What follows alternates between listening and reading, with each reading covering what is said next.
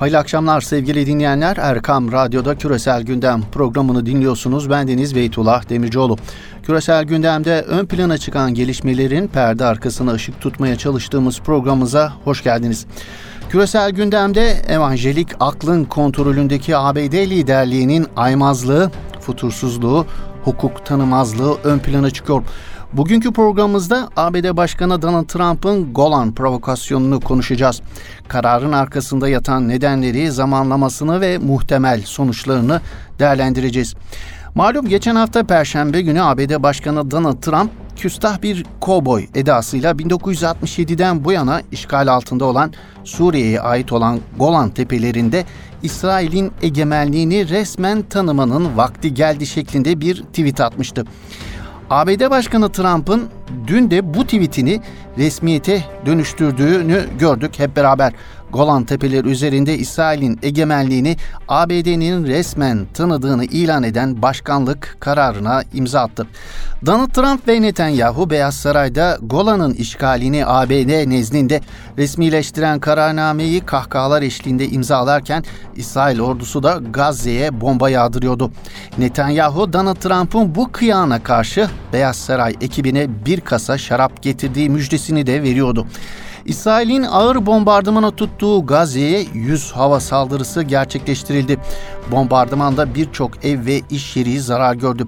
Mısır'ın arabuluculuğuyla Hamas ile İsrail arasında ateşkes konusunda anlaşmaya varıldığı dün gece ilan edildi.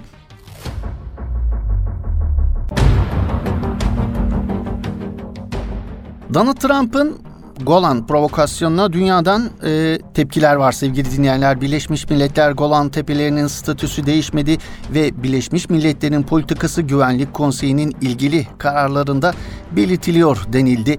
Avrupa Birliği de e, Golan Tepeleri dahil İsrail'in 1967'den beri işgalinde olan topraklar üzerindeki egebenliğini tanımıyoruz diyerek tepkilerini ortaya koydu.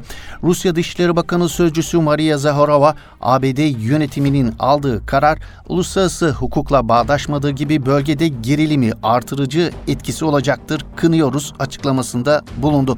Yine İngiltere Dışişleri Bakanlığı Golan Tepelerini İsrail işgali altındaki toprak olarak görüyoruz. İsrail'in 1981'deki ilhakını tanımadık ve tanımayı da planlamıyoruz değerlendirmesinde bulundu. Şam rejimi de kararın Washington yönetimini Arapların düşmanı haline getirdiğini belirtti. Türkiye'de tepkiliydi. Dışişleri Bakanı Mevlüt Çavuşoğlu ABD bir kez daha uluslararası hukuku yok saydı ancak bu karar İsrail'in ilhakını asla meşrulaştırmayacaktır dedi. Dünyadan gelen tepkiler ne Trump'ın ne de işgal devletinin umurunda sevgili dinleyenler. Şimdiye kadar ihlallerine yönelik gelen tepkileri umursamadıkları gibi bu tepkilerin de onlar nezdinde hiçbir anlamı yok. Şimdiye kadar yaptıkları gibi bundan sonra da işgallerini sürdürmeye devam edecekleri yönünde güçlü bir kanaat var.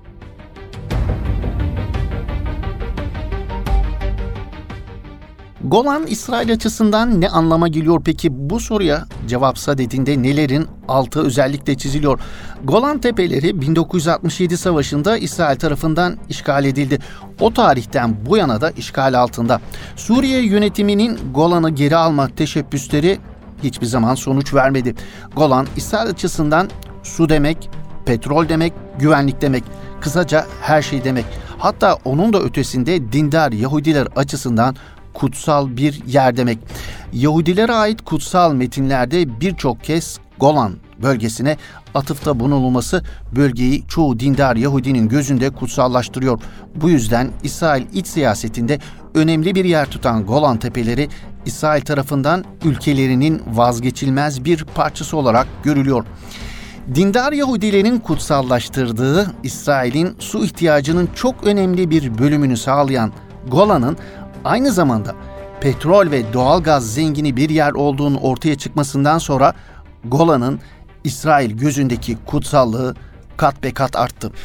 Alman iktisatçı William Gandal'a göre Golan tepelerinde yer alan gaz ve petrol yatakları Suudi Arabistan kuyularına eşdeğer oranda. Golan'da bulunan petrolü çıkartacak olan Amerikan petrol şirketi Genie Energy'nin işgal altındaki Golan tepelerinde bulduğu petrol yatağını şirket uzmanı Yuval Bartov şöyle anlatıyor. Golan tepelerinde 350 metre kalınlığında bir petrol tabakası bulduk. Dünya ortalamasında tabakalar 20 ila 30 metre kalınlığındadır. Bu ise ortalamanın 10 katı. Golan'daki petrol ve doğalgazı yağmalayacak Amerikalı şirketin ortakları kimlerden müteşekkil peki? Sayalım. ABD eski başkan yardımcısı Cheney, Siyonist medya patronu Murdoch, CIA eski başkanı Wolsey ve Joseph Rothschild. Golan Tepelerinin altındaki büyük petrol rezervini yağmalamak için birleşmiş durumdalar.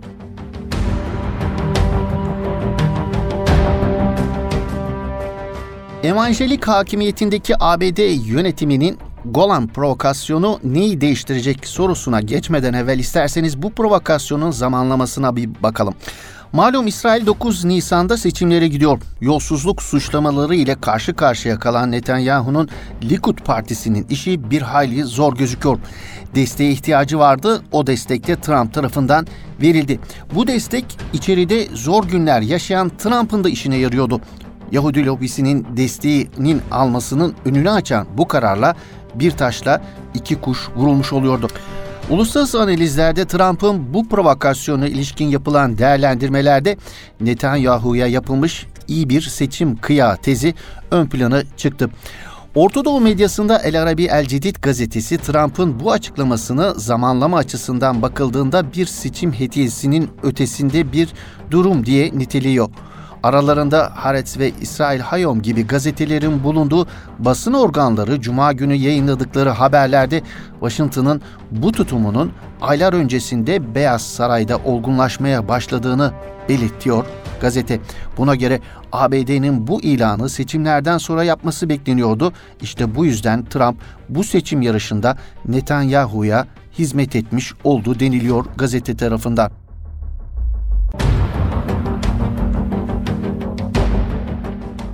Genel anlamda Netanyahu'ya yapılmış bir seçim hediyesi tezi ön plana çıksa da bu kıyak sonrası Gazze'ye yönelik başlatılan saldırılarının farklı sonuçlar doğurabileceğini işaret eden değerlendirmeler de yok değil.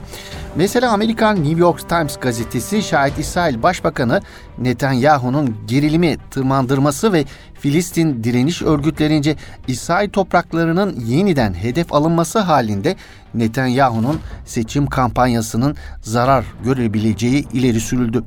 Gazete Netanyahu eğer Gazze'ye yönelik sert adımlar atarsa ulusal güvenlik şahini olarak saldığı ünü pekiştirebileceğini vurguluyor gazete. Ancak bu seçeneğin İsrail'in ağır roket ateşi altında kalmasıyla ölüm ve yaralanmalarla sonuçlanırsa kampanyasına darbe vurabilir ve destek kaybedebilir değerlendirmesinde bulunuyor New York Times gazetesi.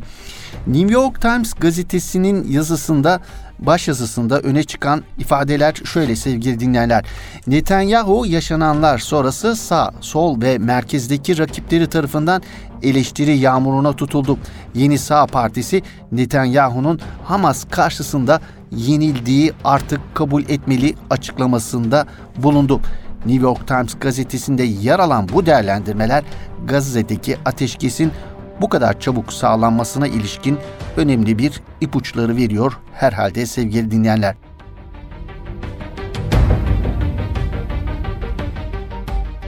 Evet bu provokasyondan sonra sırada neresi var? Ortadoğu medyasında bu soru gündeme taşınmış durumda.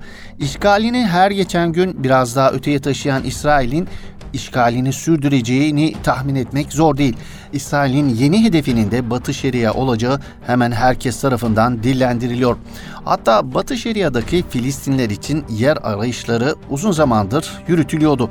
Bu noktada birçok çözüm önerisi gündeme getirilmişti. İşte bu noktada önerilen formüllerden bir tanesi takas. Ürdün'den Batı Şeria'daki Filistinlilere toprak verilmesi isteniyor. Ürdün'ün toprak telafisi ise Suudi Arabistan'dan alınacak toprakla sağlanacak. Suudi Arabistan'ın kalbi ise Kızıldeniz'deki Mısır'a ait iki ada verilerek bu kayıp telafi edilecek. Mısır'ın toprak kaybı ise Sina çölünden sağlanacak. Evet bu küstah önerinin hayat bulması imkansız gibi gözüküyor ancak Körfez'deki kimi Arap rejimlerinin İsrail ile ilişkilerini normalleştirmek uğruna İsrail'in zulmüne sessiz kalışları, başta Kudüs ve Mescid-i Aksa'ya yönelik saldırıları karşısındaki vurdum duymazlıklarını da gördükçe insan gerçekten bu küstah takas önerisinin hayata geçirebileceği konusunda endişeye kapılmıyor da değil hani.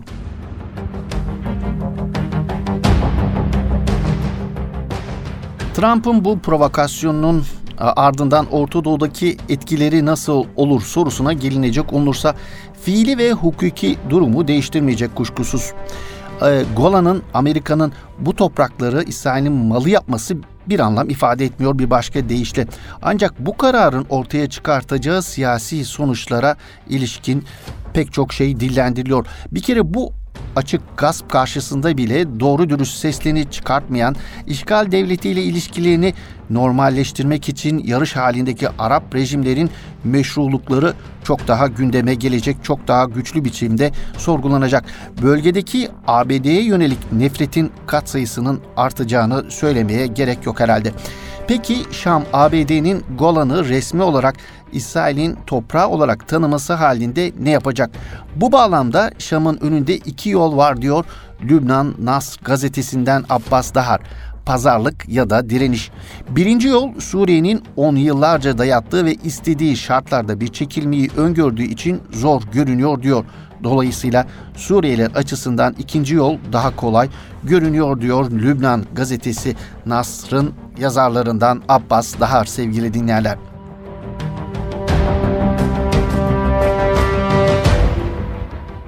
Trump'ın Golan provokasyonunun muhtemel sonuçlarına ilişkin bir değerlendirmede Amerikan Washington Post gazetesinden geldi. Trump'ın Golan tepeleri kararı Orta Doğu ve ötesinde ABD diplomasisine zarar verecektir başlıklı başyazıda şu ifadelere yer veriliyor. Netanyahu hükümeti dahil İsrail hükümetleri Golan Tepelerine karşılık barış anlaşması anlayışını benimsiyorlardı. Şimdi gelecekte yapılacak bir barış anlaşması neyin üzerinde kurulacak? Trump'ın bu soruyu değerlendirmediğini düşünüyoruz. Aynı zamanda örneğin Rusya'nın Kırım'ı ilhakı gibi ABD'nin bazı ülkelerin askeri güçle alınmış toprakları ilhak etme girişimlerini engellemeye yönelik çabaları üzerindeki etkisini de düşünmemiştir. ABD'nin bu adımı Filistinlere ait olan Batı Şeria'yı tek taraflı ilhak etmek konusunda acitasyon yapan İsrail partilerini cesaretlendirecek. Artık emsal teşkil ettiğine göre ABD'ye bunu da tanıması yani Batı Şeria'nın işgali konusunda da baskı uygulanacak diyor Washington Post gazetesi.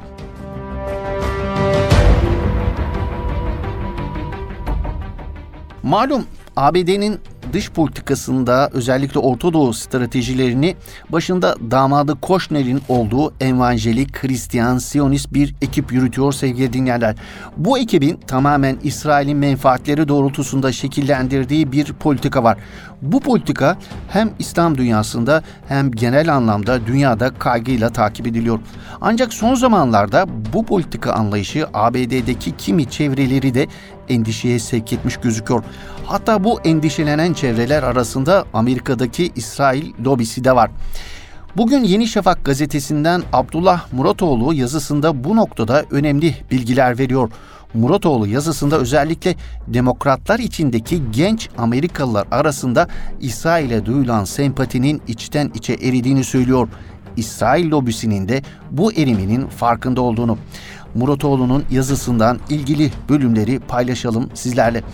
Demokratlar IPEC başta olmak üzere İsrail lobisinin Cumhuriyetçiler ve Trump ile neredeyse özdeş hale gelmesinden rahatsızlık duyuyorlar. Lobinin evangelik Hristiyan Siyonistlerle sıkı fıkı olmasını da hoş karşılamıyorlar.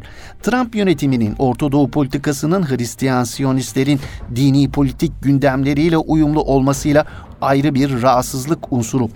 İsrail lobisi kongredeki iki partili İsrail desteğini kaybetmekten korkuyor. İki partili destek olmadan kongreden İsrail yanlısı kararlar çıkartamayacağını biliyor lobi. İsrail lobisinin en güçlü kuruluşlarından Amerikan-İsrail Halkla İlişkiler Komitesi IPEC her yıl bir konferans düzenliyor. Bu konferanslar dizisi önde gelen siyasi aktörler için bir tür görücüye çıkmak gibi algılanıyor. Bu konferanslarda konuşmacı olmak istikbale dair planları olan siyasetçiler için önemli görülüyor. İsrail lobisinin para ve medya başta olmak üzere geniş imkanlara sahip olması siyasetçiler için cezbedici bir özellik teşkil ediyordu. IPEC konferansları siyasetçilerin İsrail'e desteklerini ölçmek için bir test özelliği taşıyor.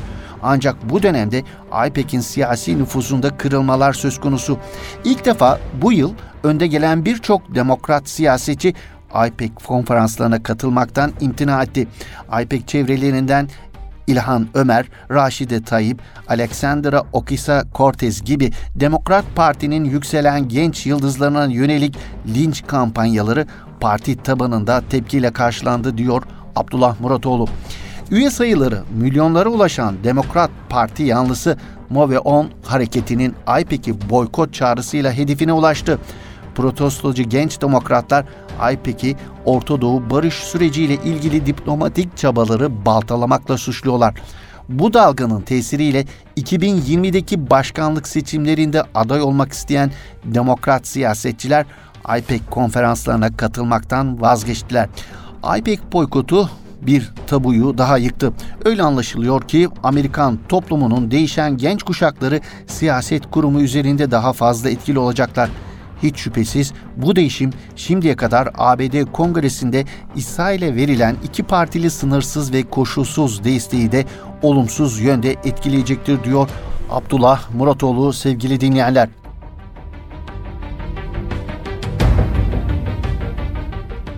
Evet sevgili dinleyenler bir küresel gündem programımızın böylelikle sonuna gelmiş bulunuyoruz. Bugün küresel gündem programımızda Amerika Birleşik Devletleri Başkanı Donald Trump'ın Golan provokasyonunun muhtemel sonuçlarını değerlendirmeye çalıştık.